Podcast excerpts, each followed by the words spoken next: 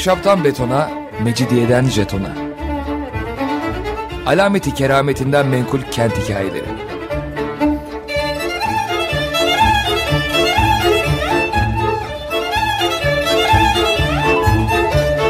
Hazırlayan ve sunan Pınar Erkan.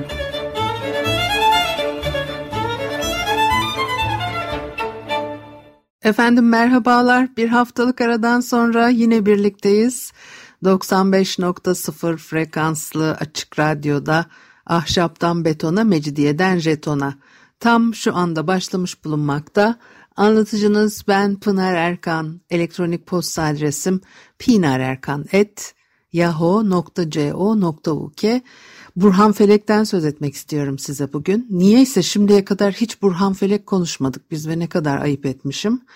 İstanbul'da ismi anılan pek çok e, yazar, gazeteci var. Burhan Felek de bunlardan bir tanesi. 1889 e, yılında doğmuş, 1982 yılında e, ölmüş. Meşrutiyet İstanbul'unu yaşamış ve dönemin toplumsal hayatına dair hatırladığı pek çok şeyi Cumhuriyet döneminde uzun yıllar boyunca Türk okuyucusuyla paylaşmış bir İstanbullu. Yani tabii artık son yıllarda Burhan Felek ismi de çok az geçiyor ama yine de sanki Burhan Felek'i de herkes bilirmiş gibi geliyor bana. Üsküdarlı Burhan Felek. İhsaniye mahallesinde doğmuş. Onun için de e, Üsküdarlı olmaktan çok e, gurur duyuyor. Bunu da söylüyor. Hatta soyadı kanunundan önce e, imza atarken Üsküdarlı diye bir sıfat eklermiş. Çünkü Üsküdarlı olmakla çok övünürdüm. Hala da övünürüm diyor. Her şeyimi Üsküdar'a borçluyum. Orada dünyaya geldim.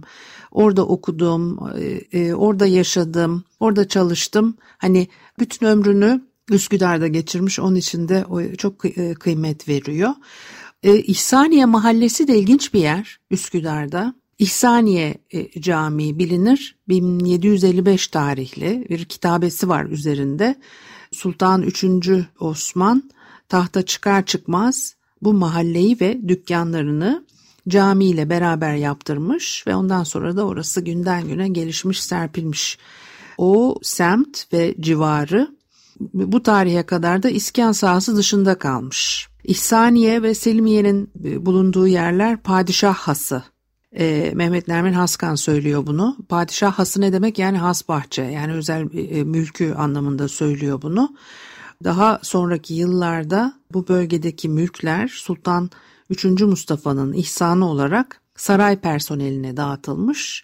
Onun için de mahalleye İhsaniye ismi verilmiş. Burhan Felek e, burada doğuyor. 11 Mayıs 1889 tarihinde Fatma Naciye Hanım'la e, Mahmut Ziyaettin Bey'in oğulları olarak e, Sultaniye Sokak 63 numaralı hanede dünyaya geliyor. O ev Burhan Felek'in dedesi Süleyman Bey'in selamlık dairesiymiş.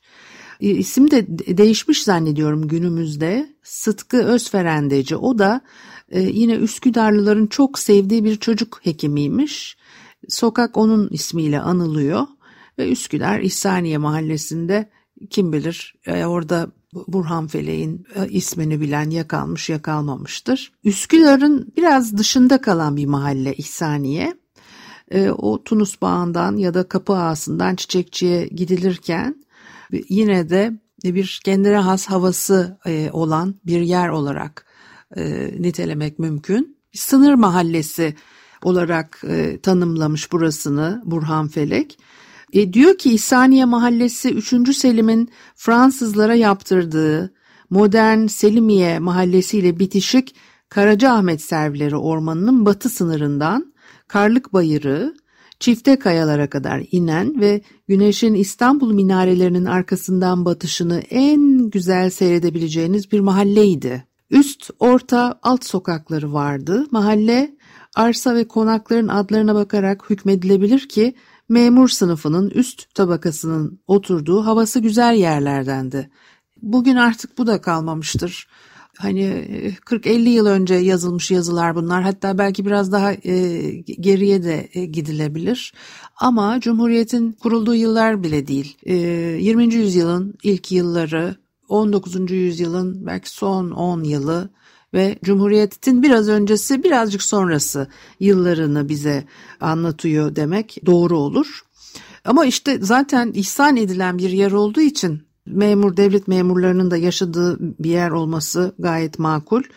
Paşa kapısında Dürrizade'nin konağıyla başlayan bir üst sokak Mahmut Baler'in babası Mabeyinci Hafız Mehmet Bey, Hüseyin Paşa, Tosun Paşa, Mustafa Paşa, Hasan Avni Paşa, Mahmut Paşa aileleriyle beraber burada oturuyorlar ve Tosun Paşa'nın da meşhur Mithat Paşa ile bir akrabalığı e, olduğu konuşulurmuş. O dönemin kibar mahallelerinden bir tanesi. Oturanların büyük bir kısmı e, memur aristokrasisine, pek küçük bir kısmı esnaf sınıfına mensuptu diyor. Sabah çıkıyorlar, işlerine gidiyorlar, akşam evlerine dönüyorlar. Böyle bir sakin hayat. İstanbul'da işe veya bir resmi ziyarete gitmek dışında erkekler bilhassa İstanbullu erkekler evde, sokakta, mahalle kahvesinde, yakınca mesirede ve camide entariyle dolaşırlardı.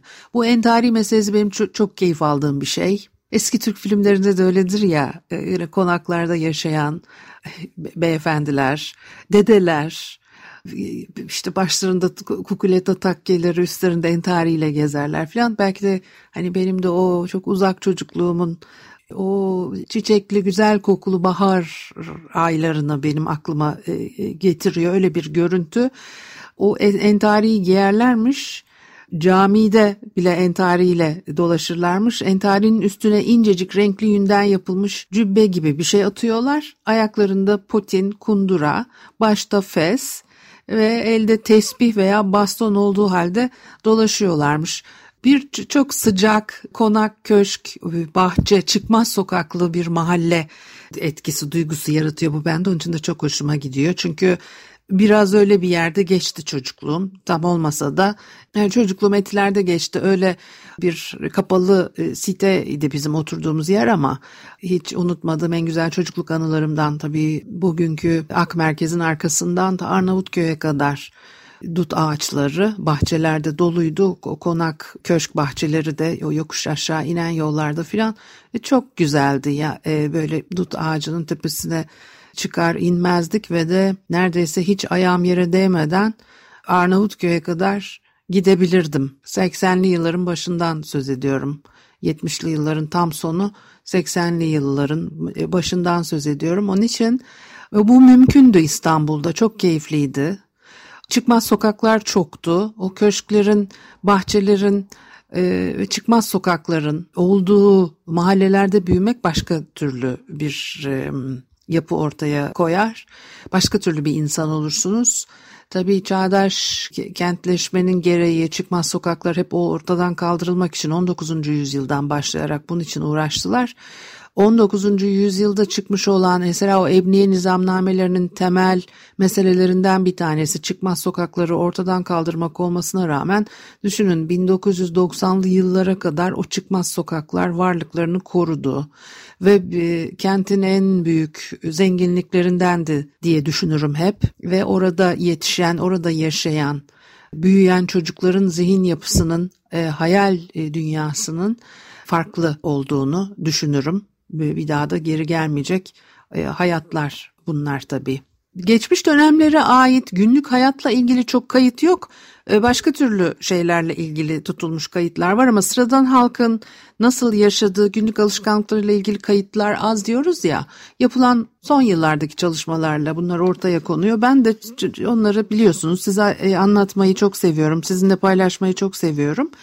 Burhan Felek de bunun üzerinde durmuş günlük hayat alışkanlıklarının e, notunun tutulması gerektiğini ve anlatılması gerektiğini söylemiş. E, önemli çünkü e, bilmiyorduk 70-80 e, yıl öncesine kadar diyeyim ve o eski Türk filmlerinde de yer aldığına göre 50-60'lı yıllarda da belki böyle yaşayan aileler bulmak mümkündü. Entariyle evde oturan, eve döndükten sonra böyle giyinen ev ahalisinin olduğunu. E, bu 60 yıldır Türk toplumu ve bireyleri çok ilerleme kaydetti diye söylüyor. Tabii Cumhuriyet döneminden sonra yazıldı bu yazılar bir daha söylüyorum 70'li yıllarda. Ve medeniyet sahasında, kültür sahasında yaşam e, şartları bakımından ama göreceksiniz ki o ev hayatında sıhhat adetleri ve temizlik bakımından çok şey kaybedilmiştir diyor Burhan Felek. E, bu da tabii göreceli bir şey. Aslında bazı şeyler e, neyse ben biraz aktarayım ondan sonra belki onun üstünde gene e, yorum yapabiliriz.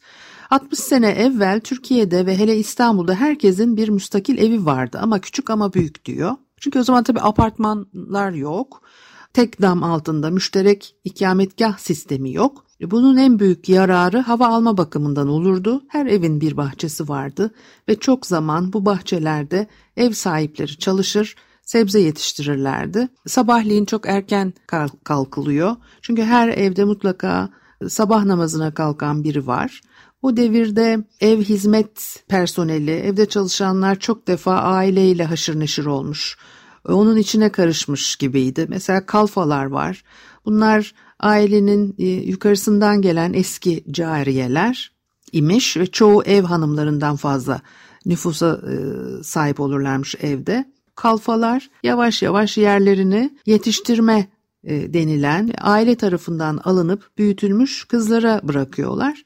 Bunlara besleme adını İstanbullular değil maalesef romancılar vermişlerdir diyor Burhan Felek. Gerçekten de romanlarda öyle geçer evin e, beslemeleri. Bu beslemelerin %90'ı o evlerin çocuğu gibi büyüyüp sonra gelin edilmiş e, aile sahibi olmuş insanlar. Onlardan ayrı bir de orta hizmetçisi denilen femme de chambre, aşçılar, uşaklar var e, evin içerisinde. Bu tip çalışanları evde bulundurmak da nispeten daha ekonomikmiş o dönemlerde. Memurların aylıkları da o zamanın piyasasına göre çok yüksekmiş. Bir müzik arası verelim o buradan devam edelim ondan sonra. Efendim, Açık Radyo'da ahşaptan betona, mecidiyeden jetona devam ediyor. Haliyle Pınar Erkan'ı dinlemektesiniz. Ben de bugün size Burhan Felek'in gözünden İstanbul'u, yüzyılın başı, 19. yüzyılın sonu, 20. yüzyılın başında ev e, e, yaşantısı, alışkanlıkları nasılmış onu konuşuyorduk. Evde aileden e, başka o aileye hizmet eden kalfalar, onlarla birlikte yaşayan kalfalar, yetiştirme dedikleri çocuklar ve ayrıca da femme de chambre denilen aşçılar, uşaklar bunları konuşuyorduk ve e, e, bu çalışanlarla birlikte bir ev yönetmenin çok da pahalı olmadığını o dönem için konuşuyorduk. Çünkü memurların aylıkları o dönem için oldukça yüksekmiş. Mesela Burhan Felek 1913 senesinde 5 senelik bir memur olarak net 13 altın maaş alıyormuş. O zamanlar mahalle içinde bir bakkal dükkanının kirası 60 kuruşmuş. Pirincin okkası 2-2,5 kuruş ediyor. Şeker Avusturya'dan geliyormuş. Kelle denilen mahruti şekilde bir şekerin okkası 60 para yani 1,5 kuruşmuş kıyaslamak için verilen rakamlar. Ev hayatı içerisinde de aile erken yatıyor, erken kalkıyor. Televizyon yok, bu tür şeyler yok. Erken kalkanlar kahvaltı ediyorlar. O kahvaltı da çok hoşuma giden bir detay. Çünkü çay bugünkü kadar yayılmamış. Biliyorsunuz çay üretimi İsmet İnönü'nün teşvikiyle Rize'de e, çok yaygın hale geliyor. Ondan önce bu kadar çok çay üretilmediği gibi bu kadar çok çay da tüketilmiyor. Bizim çay olmazsa olmazımız ya bugün. Ee, sanki çay içmeyen bir Türk düşünülemez gibi ki ben de içmem çay. Bana hiç keyif veren bir şey değil. Çok mecbur kalırsam mümkünse süt koyup içmek isterim içine filan ama en nihayetinde toplumun genelinde Türkiye'de bu çay içme mevzu çok önemli. Ama dediğim gibi İsmet İnönü'nün teşvikiyle Rize'de bu kadar çok üretilmeye başlıyor. Ondan sonra da daha bir alışkanlık olarak memleketin her tarafına yayılıyor. Sabahları tereyağı, yumurta, reçel ve sütle kahvaltı ediyorlarmış. Kahvaltıdan sonra çocuklar okullarına, erkekler e, işe gidiyorlar. E, kadınlar öyle çalışmıyor biliyorsunuz. Ve çocuklar okuldan erkekler de işlerinden gelir gelmez dışarıda giydikleri elbiseleri çıkarıyorlar. E, gecelik denilen kıyafetleri giyiyorlar. Gecelik de entari uzun ve pamuktan, basmadan veya patiskadan yapılmış. Önü göğse kadar düğmeli, kolları uzun, iliksiz bir çeşit gömlek. Kışın bunun üzerine erkek çocuklar dikişli pamuklu hırka giyiyorlar. Erkekler de aynı şeyi giyiyorlar. Bir de üstüne e, aba denilen böyle kaba yünden yapılmış uzun bir robe de giyiyorlar. Ayakta her zaman uzun paçalı don ve çorapla birlikte terlik olurmuş. Kışın bu terlikler aba terlik e, denilen arkalıkları yün kaba kumaştan yapılan e, terliklerden olurmuş ve anneler kışın bu terliklerden dikiyorlar e, altına da soğuk geçmesin diye meşin kaplatılırmış. Bir tür aslında terlik ev, ayak, ev terliği ev ayakkabısı gibi bir şey oluyor tabii. Ayakkabılarını akşam eve gelince hemen kapının önüne çıkarıp terlikleri giyiyorlar. Tabii sonraki zamanlarda gelişen bir alışkanlık sokaktan içeriye ayakkabıyla e, girmek ki bugün de yine bu her evde e, rastlayacağınız bir şey değil. Ama yemek yatak odalarına e, girmek kimsenin aklına gelmezdi diyor Burhan Felek ayağında ayakkabıyla. Çünkü evlerin içi temizlikte hastanelerden ilerideydi. Her gün değilse 2-3 günde bir ev süpürülür. Döşeme tahtaları da taşlıklar da en geç haftada bir sabunla silinirdi. Yazın ekseriyetle evlerde halı kilim olmazdı. Merdivenlerde 60 santim eninde beyaz keten veya pamuk bir beyaz basamak örtüsü bulunurmuş. Evle sokak arasında doğrudan bir temas mevcut değil. O Türk evleri temizlikte bize bile bugün bir e, turistik e, garibe gibi anlatılan Japon evlerinin temizliğine rekabet edecek haldeydi diyor. Yani bu da tabii hem böyle hep çok övgüyle anlatılır ama sokaklar ne haldeydi? Bir de böyle bir handikapımız var. Evlerin içi bu kadar temiz ama sokaklar çok fena. E, bugün de öyle değil mi? Evin içerisi herkes kendine göre çok temiz tabii. Bir de hijyen konusu ayrı bir şey. Benim annemin bir sözü vardı. Taş olmayı temizlik zannediyor diye. Kızdığı zaman işte bazı kimseler için söylemişliğini bilirim. Aynı şey değil yani temiz olmak, hijyen ikisi aynı şey değil. Bir de bakıyorsunuz bazı şeyler tabii çok görüntüde kalıyor. Ama o geçmiş dönemi bir de tabii hastalıklar var bir taraftan da o salgın hastalıklar var onlar var bunlar var. Şimdi Osmanlı evinde mutfak bu kelimeyi de çok severim ekseri e, evin içinde büyük evlerde nadiren e, bahçede oluyor. Her katta bir ve evin büyüklüğüne göre iki abdesthane var. Alaturka türden abdesthaneler bunlar. İki kapılı birinci kapıdan musluklu lavabonun bulunduğu yere giriliyor. Abdesthaneye girenler orada bulunan nalınları giymeye mecbur. Alaturka abdesthaneler için lüzumlu bir tedbir. Kimse terlikle veya kundurayla abdesthaneye giremez. Evlerde şimdiki banyonun yerini tutmak üzere gusulhane dediğin, denilen küçük yıkanma yerleri var. Bir akarsu musluğu buralarda bulunurmuş. Bazen daha iptidai bir duş tertibatı da olurmuş. Su çoğunlukla dışarıda ısıtılıp e, getiriliyor. Sıcak su yok. Eski harem selamlık daireleri ayrılmış e, eski büyük evlerden değilse her evde misafir odası bulunuyor. E, bu odalarda pirinç göbekli güzel birer mangal da bulunurmuş. Mangalla ısıtıyorlar ya evleri. Sobalar kok veya antrasit gibi taş kömürü yakan demir sobalara yerlerini bırakıyorlar. Kış gelmeden her ev sobasını kurduruyor, bacasını veya borularını temizletiyor. Gaz veya elektrik sobası son zamanlarda kullanılmaya başlanmış. Alaaddin adında petrol sobaları eski zamanlarda sabahtan odaları ısıtmak için evlerde bulunurmuş. E, yataklar da yer yatağı eski dönemlerde biliyorsunuz İstanbul için e, konuşuyorum. Sonradan karyolaya geçiliyor. Yani daimi yatak olarak tanımlamak hiç yanlış olmaz. Yer yatakları zamanında ki o da yine 19. yüzyılın sonudur, 20. yüzyılın hemen e, e, başıdır. Sabah toplanıp e, yüklük denilen büyük dolaplara konuyor. Akşamları tekrar seriliyor. Genellikle yorgan yastık sisteminde bir değişiklik yok. Belki şöyle bir değişiklik var. Eskiden çift kişilik yataklarda uzun yastıklar olurdu. Karı koca da bir başta bir yastığa baş koymak deyimi de oradan gelir ya. Tek yatak yatağın eni e, boyunca devam eden tek yastık. Bugün herhalde hiçbir evde böyle bir yastık bulamayız diye düşünüyorum. Su terkos gibi şehir şebekesi gelmeden önce kuyulardan çekiliyor veya çeşmelerden getirtiliyor. Yine ne bileyim ben 80-90'lı yıllara kadar İstanbul'un çevresinde güzel sular vardı. Onlardan da eve su taşınırdı. O adet, alışkanlık o uzun yıllar devam etti. İçme suyunun menba sularından küçük fıçılarla, sucular vasıtasıyla e, sağlanması veya işte evin e, büyükleri tarafından e, taşınması. Yemek sistemi de çatal kaşıkla masalarda yeniyor. Ama ondan önce küçük tabure, iskemleler üzerine konmuş siniler, geniş bakır kalaylı tepsilerin etrafına ve yere oturularak yeniyor. Burhan Felek 1946 senesinde Mısır'da bir prensin evinde böyle bir tepside yemek yemiş. Ama tepsi ve sofra takımları gümüştü diyor hava gazının İstanbul'a gelmesiyle petrolden kurtulunuyor.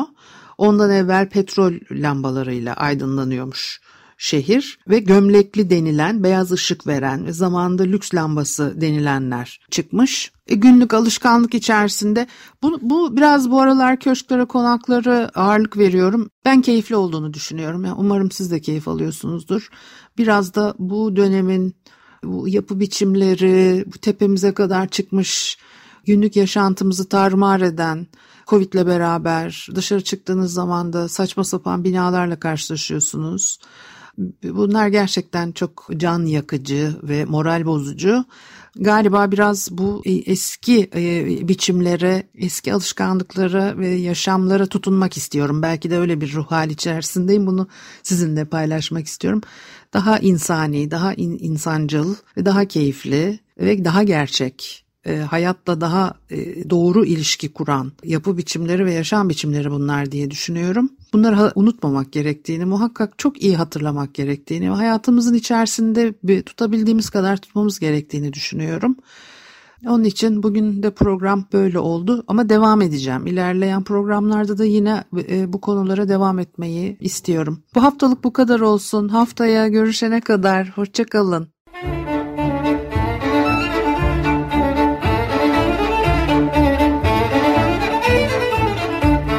Ahşaptan betona, mecidiyeden jetona.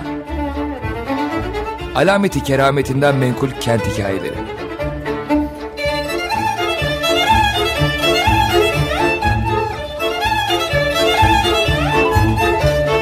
Hazırlayan ve sunan Pınar Erkan